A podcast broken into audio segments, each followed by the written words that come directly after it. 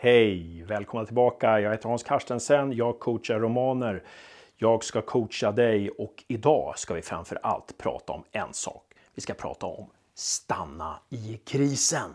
Det låter farligt, men det är det inte.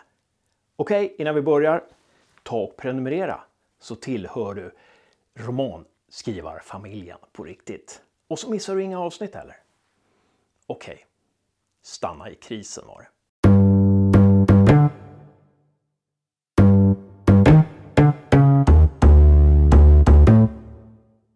Det är mänskligt att vilja fly. Om jag i verkliga livet blir jagad av en kvinna med en yxa, då springer jag så fort jag bara kan. Kanske ropar på hjälp. Men om vi är författare och skriver om en person som blir jagad av en kvinna med en yxa, då vill vi inte och då ska vi inte fly därifrån direkt. Varför inte det då? Nej, därför att läsaren läser ju för att uppleva just sådana här saker. Läsaren vill ju att protagonisten eller perspektivpersonen ska hamna i trångmål, ska hamna i knipor. För läsaren vill ju bearbeta saker som hon inte får uppleva i sitt vanliga liv. Det är ju därför vi läser. För att få vara med om personer i kris. Vi vill stanna i krisen. Det är liksom vår själva belöningen för vårt läsande.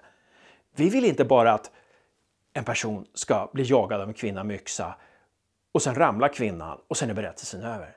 Nej, det är ju när de möts. Det är ju där vi vill att texten töjs ut lite mer. Vi vill ropa till författaren stanna i krisen, det är där jag vill vara. Men ibland blandar författare ihop sig själv med sin berättelse.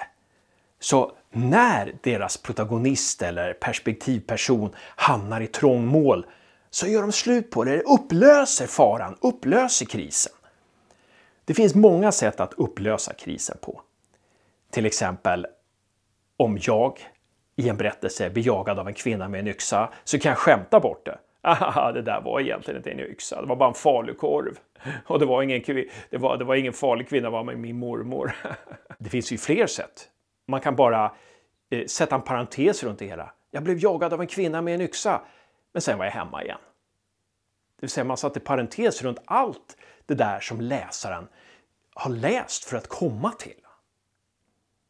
Kanske för att man tycker att det är lite obehagligt att skriva. Man blandar ihop sig själv med sin protagonist helt enkelt.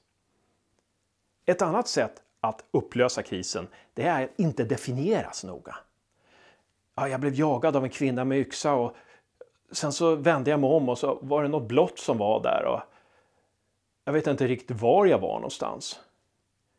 Man upplöser hela logiken för allting. Och det blir inte spännande. Stanna i krisen handlar om och nu ska du få göra den första övningen. Här har jag skrivit ett ganska spännande scenario som jag tycker din uppgift blir att försöka upplösa den här krisen, att göra det mindre spännande. Hon stod till slut öga mot öga med den person som mobbat henne i hela mellanstadiet. Nu skulle hon få sin hämnd.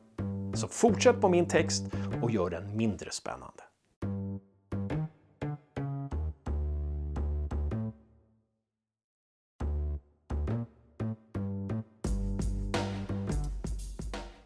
Som sagt, läsarens belöning det är att få vara med om när protagonisten hamnar i knipa. Vi vill att protagonisten ska hamna i knipa. Vi läser ju för att uppleva saker och ting.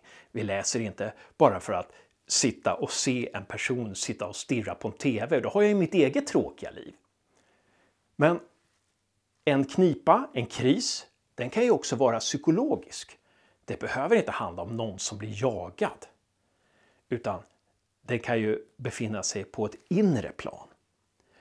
Och Det här ska du ta i beaktande under den andra övningen. I övning två så har jag skrivit utgångspunkten för en scen. Jag skulle vilja att du fortsätter att skriva en dialog här mellan fadern och sonen. Sonen har dukat fram en sockerkaka som han precis bakat.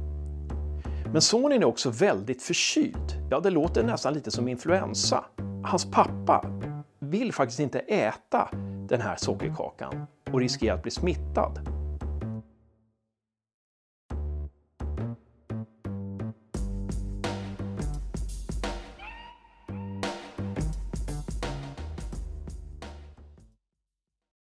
Stanna när det bränner till. Våga vara kvar.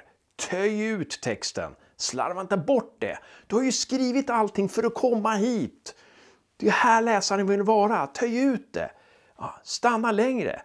Du har bara beskrivit det med två meningar. Läsaren vill att du ska skriva två sidor kanske. Okej, okay. det var allt för den här gången. Lycka till med romanen nu. Var inte så himla duktig. Skriv varje dag.